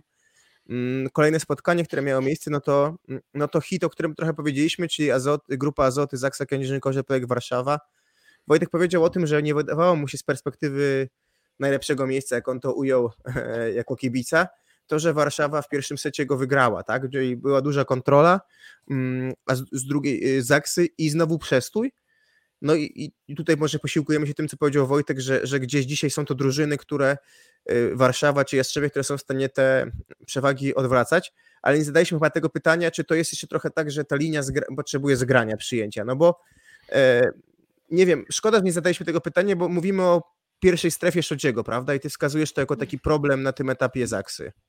Tak, i oglądając nawet odtworzenie jeszcze meczu Super Puchar i potem to kolejne spotkanie z akcji z projektem Warszawa, faktycznie no, zapomnieliśmy o to zapytać, e, ale też ciężko może byłoby mu to ocenić z perspektywy tego, że on tam po prostu w tym momencie nie stał i, i, i możemy jakieś inne odczucia. W każdym razie, moim zdaniem oceniając przyjęcie Zaksy, jako tako widzę problem, a główny ten problem po, uważam, że jest skondensowany w momencie, gdy Erik Szodzi jest w pierwszej strefie ustawiony, a obok niego w szóstce jest Kamil Semeniuk. Tam jest skierowane dużo zagrywek. Mam wrażenie, że Szodzi ma dużo powierzchni do przyjęcia i to rywale wykorzystują. Dużo serwowania w tamtej strefę i Szodzi raz, że albo często niedokładnie przyjmuje, albo często są to piłki kierowane w strefę konfliktu i po prostu wpadają, mimo że ma się wrażenie, że to nie było jakieś niesamowite bomby i ktoś to powinien przyjąć, no to jest to bardzo newralgiczna moim zdaniem pozycja E, właśnie z Szodzim w przyjmującym w pierwszej strefie. No tutaj zdecydowanie. Druga sprawa to też jest taka, też o tym Kuba rozmawialiśmy, moim zdaniem różnica między Zatorskim a Szodzim jest taka, że Szodzi owszem bomby przyjmuje, ale raczej nie będzie w stanie aż tyle tych bomb przyjmować na nos rozgrywającego, czyli on piłkę po prostu utrzyma w przyjęciu, ale raczej rzadziej będą takie dokładne przyjęcia, jak było to w przypadku Pawła Zatorskiego. E, tak to na razie moim zdaniem wygląda e, gra Amerykanina na przyjęciu. Być może się to wraz z graniem, czy może trochę lepszą jego formą poprawi, aczkolwiek nadal uważam go za bardzo dobrego li, li, libero, pomimo tego nie najlepszego, trzeba powiedzieć, startu w ekipie Jenny'ego Kretu. Yy, tak, jeżeli chodzi o Warszawę, drugi mecz, dobry poziom, blisko jest Warszawa jak, jako zespół, mam wrażenie, bliżej niż w poprzednim sezonie tej, tego, tego szczytu w lidze na tym etapie. E, Myślę, Chociaż tak. tutaj nie pomogły problemy Kwolka, e, problemy natury gastrycznej, nazwijmy to po prostu, bo on tam schodził do szatni, to nie była kontuzja, to bardziej po prostu no, aczkolwiek, problemy... aczkolwiek też na niektórych ujęciach kamery, jak już Kwolek był gdzieś tam za boiskiem, to też było widać, że on chyba lodem sobie okłada szyję bodajże, coś takiego, więc być może to nie jest tylko kwestia problemów powiedzmy żołądkowych, tylko być może to też kwestia jakiejś e, kontuzji, no i on po prostu grał słabo w tym meczu, czyli tak schodził, wracał i cały czas nie był to ten kwolek, jakiego moglibyśmy, e, na którego, na jakiego moglibyśmy liczyć i w niczym nie nawiązał do tego, co grał chociażby z Jastrzębskim Węglem niedługo wcześniej, bo, bo zachwycaliśmy się dyspozycją Kwola mm, pomimo nieudanego początku tego meczu z Jastrzębiem, gdzie jeszcze był Blankenau na boisku. No i trochę kurczowo trzyma się Andrea Anastazji, Bartosza Kwolka, za niego Jan Fornal, no i grał po prostu słabo, więc może uwidocznić, uwidocznić się ten mankament projektu w postaci trochę wąskiej ławki na przyjęciu. No i też mi się przypomina sytuacja, gdzie oni grali w zeszłym chyba sezonie, czy dwa sezony temu, z Kuzbasem Kemerowo. Dwa sezony temu chyba. Z Kuzbasem Kemerowo, gdzie Zajcew wszedł. Nie, w zeszłym sezonie to było. W zeszłym, w zeszłym, Liga w zeszłym, w zeszłym sezonie, tak. I Zajcew jakby rozstrzelał tam mm, projekt w zagrywką na początku tej breka a projekt potrzebował iluś tam kilku małych punktów w tej breku. No i to był też chyba ten mecz, gdzie Kwolek był kurczowo trzymany, mimo że grał bardzo słabo. Więc widać, jak bardzo jest to ważny gracz dla projektu Warszawa. Z perspektywy Zaksy dwie kwestie chyba, e, czyli zamiłowanie na tym etapie Marcina Janusza do tego, żeby dużo grać Kaczmarkiem i trochę tutaj znajduję korelację z Kuprum Lubin, który prowadził też Kretu. Kaczm e, Kaczmarek, też Kaczmarek wtedy. Tak, tak, dokładnie. I druga kwestia, która się dzisiaj rzuca też mi mocno w oczy, jeżeli chodzi o, o, o, o grę Zaksy, to jest to, że yy, dopiero wejście Krzysztofa Rejno za, za Davida Smitha dużo pomogło na siatce, bo mam wrażenie, że mało było pasywnych wybloków przez większość meczu po stronie Zaksy. Mhm. Nawet oglądając też jeszcze, wracając na moment do Super Pucharu, to widząc ten mecz jeszcze raz i patrząc na grę Davida Smitha, miałem wrażenie, że on często po prostu podejmował złe decyzje w bloku, czyli był dosyć łatwo gubiony przez rozgrywającego, przez Bena Toniciego de facto. No to też można trochę poszukać jakichś sytuacji, być może oni się za dobrze znają i stąd Ben Tonuti wiedział, jak, jak e, swojego byłego klub, klubowego kolegę oszukać.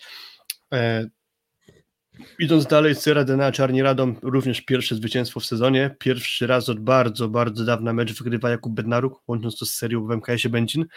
Pewnie duży kamień z serca, no i też o tym mniej więcej w ten sposób to komentował w wypowiedziach pomeczowych. Ograny Drew Gdańsk, zaczynając od gospodarzy. Świetna decyzja z zaczęciem meczu z Pawłem Rusinem, który zagrał świetnie. Jak nie on z ostatniego czasu grał Bartłomiej Lemański, bo myślę, że trzeba przyznać, że o ile wcześniej był za swoją grę dość krytykowany, to tu trzeba oddać, zagrał moim zdaniem świetne zawody. E, do tego dobry Kędzierski i dobrze grający Aleksander Berger. Faryna trochę gorzej nie zresował, ale, ale przyzwoity mecz atakującego, także to wystarczyło, zazębiła się ta gra w całkiem nieźle, no i do tego doszedł jeszcze Trewy Gdańsk, też trzeba przyznać trochę z problemami, moim zdaniem głównie na prawym skrzydle. No to jest pytanie, które stoi przed Michałem Winiarskim, wyzwanie. Czy będziemy próbować dalej Mariuszem Wlazłym, czy jednak Sasak, e, który wychodzi dużo efektywniej w ataku, ale do tej pory jego wejście nic nie dawało w bloku i w zagrywce, gdzie Mariusz dużo wdaje w tych elementach, więc to jest myślę kwestia tego wyważenia, bo dzisiaj wydaje mi się, że na wysokiej piłce jest taki problem Kampy czy Kozuba, jest tylko Lipiński. I to jest, wydaje mi się, coś, co mm, może stanowić plus y, i, i przesądzić, że, że Sasak zacznie wychodzić w spotkaniach, no bo nie ukrywajmy, Gdańsk e, mm, do tej pory grał z Zawierciem, z Radomiem, z e, Lubinem i z Katowicami i ma cztery punkty. A gdzieś pewnie się spodziewano ośmiu, dziewięciu, prawda? Więc na tym etapie trochę to nie jest taki start Gdańska jak rok temu. Mhm, zdecydowanie. Bartłomiej Lipiński chociażby no, nie nawiązał do tego poprzedniego świetnego występu, tak chyba jest. z Kuprum Lubin zdaje się, tak. gdzie chyba tylko jednego ataku nie skończył. E, tak jest, 13 14.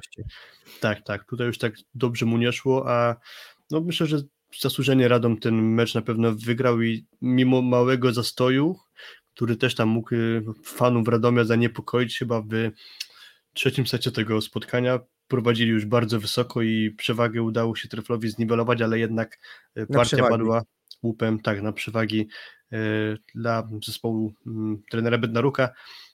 Czwarty set dowieziony, więc pierwsze trzy punkty Radomianie mogą zanotować. Dalej Stalnysa, Sekorysowe Rzeszów, czyli jedyna ekipa, która jeszcze nie ma wygrany, no i Asekorysowia pomimo zwycięstwa na mnie nadal dobrego wrażenia nie zostawiła, a przynajmniej nie wszyscy zawodnicy. Ale mówiłeś o tych 40%, prawda? Mm, tak, Jan Kozamernik, I nie właśnie Alberto o- Giuliani. Nie mówiłeś o butelce. tak, tak, te 40% to mamy na myśli. Te wypowiedzi, o których już też wspominaliśmy, czyli Giulianiego i Kochanowskiego, że na razie ich zdaniem Resowe gra na 40% możliwości. E, Na razie to starczyło na prawie komplet wygranych, z wyjątkiem tej porażki z Jakubem Jaroszem, tudzież GKS-em Katowice. Trzeba też oddać jeszcze raz znakomite zawody wtedy Kuby w meczu z Sekoresowią. Mm, Na pewno trzeba Klemena Czebula pochwalić, który moim zdaniem jest chyba najlepszym graczem Resowi do tej pory, do, do momentu Mhm. startu. Najlepszy mecz, ale trzeba to podkreślić względnie. W Resowi zagrał muzej, co nie znaczy moim zdaniem, że dobry, czyli nadal moim zdaniem atakujący Resowi jest jeszcze zagubiony i zupełnie nie przypomina mm, tego gracza, który, który jeszcze był jakiś czas temu, bo kompletnie do swoich najlepszych czasów nie nawiązuje i jest to na pewno duży, słaby punkt Asekoresowi. Zdecydowanie tak. Co jeszcze się rzuciło w oczy? Lepszy mecz Dero. Wraca do zdrowia Fabian Drzyzga. Nie musiał za dużo biegać w tym meczu, bo dość przyzwoite było przyjęcie Rzeszowa. Znaczy były tak moment, momenty takie, gdzie piłka była źle przyjęta na pewno i, i to tak nie robiło dobrego wrażenia, ale jako formacja uważam tak, faktycznie Tak. przyjęcie było trochę lepsze niż w tych No poprzednich to meczach. się rzuca w oczy. Kapitalna gra środkowej w niwelowaniu atutów rywala. Bo to mi się rzuciło w oczy, y, jak mecz Stoll tak naprawdę nic nie pokazał, Sztycha y, w ataku. W zagrywce jeden as. Mbaye również nie za dużo w ataku. Oni zdobyli chyba łącznie 4 punkty czy 5 środkowi, tak? Przez 4 sety. To jest bardzo mało.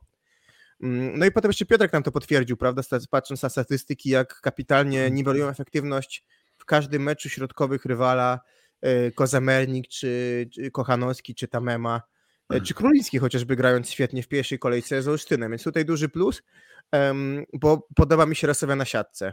Podoba mi się Rasowia na siatce, ale to jest wydaje mi się e, absolutnie y, cecha rozpoznawalna drużyn Giulianiego. I tutaj niezależnie od tego, w jakiej formie są zawodnicy, to po prostu jeżeli wiedzą, co mają robić w formacji blogobrona, to po prostu nieważne, czy jesteś w dobrej formie, czy nie, to będzie w stanie dobrze zareagować i chociażby na bloku właśnie na pewno sobie trzeba podkreślić i potwierdzają tu liczby, że środkowi rywala mają bardzo trudno przeciwko mm, Asekorysowi. Idąc dalej, został nam mecz y, Jastrzębskiego Dwa Węgla z PGS Krobełchatów. Tak. Wydaje mi się, że tylko jeden. Tro, trochę krótko myślmy o Olsztynie pewnie zawierci, może tym A skończymy. tak, okej, prawda? to od tego trochę zaczęliśmy. Okej, no to w takim razie Jastrzębski Węgiel na razie z PGS Crow e, Bełchatów. Kuba, ja ci muszę powiedzieć, że tego meczu po prostu nie miałem możliwości obejrzenia, więc znam tylko wynik. No tak, bo El Clasico wtedy było, a ty jesteś też to, żebyśmy mieli to ustalone, jesteś wielkim fanem FC Barcelony i byłeś jakby niejako gospodarzem zlotu, zlotu polskiego klubu kibica, tak? Tak, w Rzeszowie miało miejsce, miał miejsce pierwszy zlot oficjalnego polskiego fanklubu FC Barcelony, więc siłą rzeczy musiałem być tam po prostu obecny, stąd y, moja absencja przed telewizorem. A, a Grand Derby o 16 w niedzielę, więc tak naprawdę mógłbyś maksymalnie pewnie seta obejrzeć. Seta pierwszego, który wygrał No, trzeba Jastrzębie. było już wcześniej zająć dobre miejsce w knajpie i tak dalej, A, także no, no, nie było się. możliwości po prostu, także uważam swoją absencję przed telewizorem w meczu Jastrzębskiego Węgla z PGS Crow za usprawiedliwioną. Opowiedz proszę, co tam się działo. Y, No co się działo? Przede wszystkim nie było w meczu Atanasiewicza. Kapitalnie wyłączony z gry przez głównie Fornala, który się rozwija fenomenalnie. Co- Co jeszcze widać było w tym meczu, że główną alternatywą na skrzydle jest Decoy. Tak przypadkowy niby transfera wychodzi dzisiaj na highballu za najlepszego zawodnika, tylko mam wrażenie, że to jest mistrz gaszenia własnych pożarów, czyli źle przyjmie, ale skończy. Świetnie rozwiązuje problemy, które sam stwarza, tak? tak, dokładnie tak. E, e, W skrze bardzo dobry bieniek. E, No i wydaje mi Wiesz się, co, że dzisiaj... czytałem Twittera, po meczu było dużo narzekania na auto Atanasejewicza. Tak, tak, absolutnie tak, bo, bo bardzo bezkompromisowo gra Tanasiewicz na niskiej efektywności. Zresztą podobnie Eba Dipur i, i, i to jest moim zdaniem klucz do sukcesu Jastrzębia, który też faluje, bo ten mecz był mało emocjonujący, wiesz? Bo wygrane do 18, do 17 tych setów spowodowały, że tak naprawdę tego miejsca w końcówkach nie było i większość setów wyglądała tak, że do połowy było równo, Jastrzębski odjeżdżał, a w trzecim secie Skra od razu odjechała i jakby gdzieś to dowiozła do, do, do końca, mimo że był moment przy 16 do 10 było dla Skry, a zrobiło się chyba 17-16, więc już był bliski Jastrzębski yy, odwrócenia tego, ale, ale Skra dowiozła, dobra zmiana techta, znaczy przynajmniej nie inaczej. W trzecim secie dobra zmiana techta, który wrócił do gry, zameldował się asem, skończył atak, jest zdrowy, więc to jest na pewno duży plus dla, dla trenera Kowacza, którego zwolniono z kadry Serbii w sposób dosyć ciekawy. Przebity chyba Leo Benhaker, który dowiedział się o tym przy autobusie, bo chyba Kowacz się dowiedział o tym od y, kapitana kadry Podraszczanina, co jest moim zdaniem pewnym ewenementem. Tak, w serbskim sport, sportklubie był wywiad ze Slobodanem Kowaczem po tym, jak dowiedział się on o tym, że nie będzie już dłużej selekcjonerem kadry Serbii, w którym bez ogródek wprost powiedział, że o tym, że nie zostanie z nim przedłużona współpraca, dowiedział się od Marko Podraszczanina, po czym aż sam musiał przeczytać komunikat na stronie oficjalnej Serbskiej Federacji, więc no, nie pochwalamy takiej formy, na pewno rozstania się e, z selekcjonerem kadry Polski.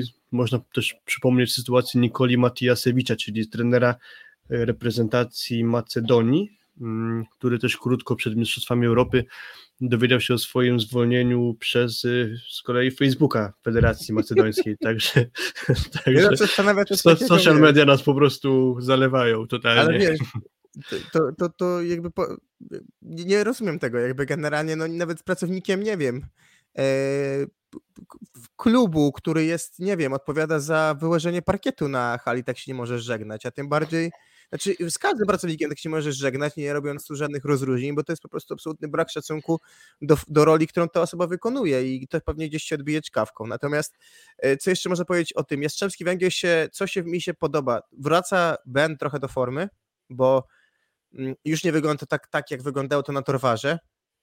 E, I dobry mecz Bena z Superpucharze i dobry mecz wydaje mi się tutaj z Warszawą. E, przepraszam, z Pełchatowem.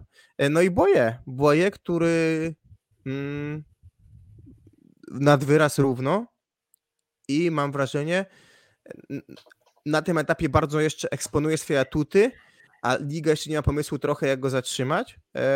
Z drugiej strony Klewno mało skuteczny w ataku, więc to, tak, to wszystko spaja Fornal i, i no Jastrzębie, nie licząc tej porażki tydzień temu z, z Warszawą, czy półtorej tygodnia temu, wydaje mi się, że na tym etapie jednak wygląda najrówniej. No i co, mhm. kończymy, kończymy. Z wyjątkiem, z wyjątkiem pierwszego meczu Boje w lidze, gdzie w Lublinie niezbyt dobrze wyglądał w tak, ataku. Pozostałe tak, te spotkania tak. z małymi wyjątkami wyglądały w ataku dobrze, ponad spodziewanie dobrze w moich oczach, po czym też świetnie serwuje i potrafi zrobić niesamowite wrażenie w bloku, więc myślę, że tak korzystny początek francuskiego atakującego w Jastrzębskim Węglu. I tak jak powiedziałeś, na samym początku trochę o meczu w Iławie powiedzieliśmy, ale możemy jeszcze do niego na chwilę mm, wrócić. Yy, tak, nie wiem czy oglądałeś, czy, czy średnio? Widziałem bardzo fragmentami, także, okay. także nie chcę tu jakoś kategorycznie się wypowiadać. Yy, Mr. DeFalco, Mr. Butryn. Chyba jakby trochę mm, o czym marzyli kibice Olsztyna w takim meczu wyszło, czyli po pierwsze efektywność i skuteczność tych skrzydłowych na poziomie 50%, pożyteczny na Andringa, dobre zmiany coraz bardziej wprowadza, ale bardzo delikatnie bo Bonita wprowadza Salechiego, który coraz więcej dokłada w przodu. Świetny mecz Firleja, super dystrybucja. No i ci środkowi, na razie jeszcze z Avrilem Firle nie ma tempa absolutnie, natomiast Avril na siatce robi swoje, a Poręba z Firlejem już od letniego Grand Prix, gdzie Poręba był MVP, ma złapane świetne tempo. Jeśli chodzi o, o, o zawiercie, to cieszy na pewno dobra gra Conte. Z drugiej strony dalej na prawym skrzydle no nie ma takiego tak dużego wsparcia. Dalej gdzieś, czy to Dawid Konarski, czy Mateusz Malinowski mm, nie grają na, chociażby na poziomie Butryna. Mhm.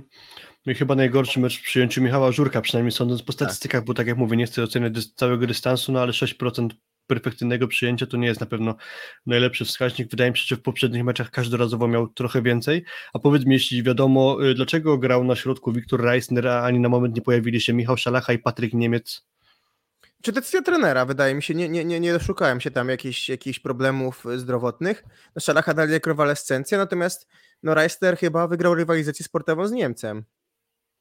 Mhm, okej, okay, okej. Okay. Znaczy pozytywne wejścia Wiktora Reisnera kojarzę tak, chyba z, z meczu... Tak, tak, dokładnie, dokładnie. Ten, to ostatnie jakby wejście w meczu zawiercia poprzednim już tak błyskotliwe nie było, ale na pewno pokazuje potencjał, że, że coś dobrego tej ekipie będzie mm, w stanie dać. Tak jak słusznie Arnacja zauważyła, tylko Resowia jako gość wygrała swoje spotkania, wszystkie mecze padły łupem gospodarzy, ale czy to będzie jakaś większa tendencja na kolejne kolejki? Nie wydaje mi się, ale fak faktycznie na razie tylko jeden zwycięstwo gości i to Aseko Resowi Rzeszów. Y, Cóż, no to mamy to omówione i możemy chyba zdradzić rąbka tego, że w najbliższym czasie pewnie takich yy, nagrań jak dzisiaj będzie trochę więcej, prawda? Tak, postaramy się trochę odejść od naszego gadania i tego omawiania meczów w dłuższym formacie, a być może y, coraz częściej będziemy chcieli porozmawiać z gościem, tak jak na przykład dzisiaj z Wojciechem Żelińskim. E, Mamy takie plany, mamy nadzieję, że Wam się to mm, spodoba, ale też nie zapomnimy na pewno o tym, żeby omawiać to, co się dzieje stricte na boisku i też być może goście będą tacy, którzy nam też chętnie poopowiadają o tym, co dzieje się w meczach sensu stricto na boisku, ale będziemy wszystko zapowiadać w naszych mediach społecznościowych, więc możecie nas śledzić. Tak jak mówiliśmy przedtem, jeśli Wam się podobało, to możecie zostawić subskrypcję, jeśli tego jeszcze nie robicie, dać łapkę w górę, mm, zostawić ewentualnie komentarz pod filmem, takie coś nam się bardzo e, przydaje. A za dzisiaj, Kuba, dziękujemy, prawda? Dziękujemy ślicznie. Okej, w takim razie dzięki i do usłyszenia następnym razem. Trzymajcie się.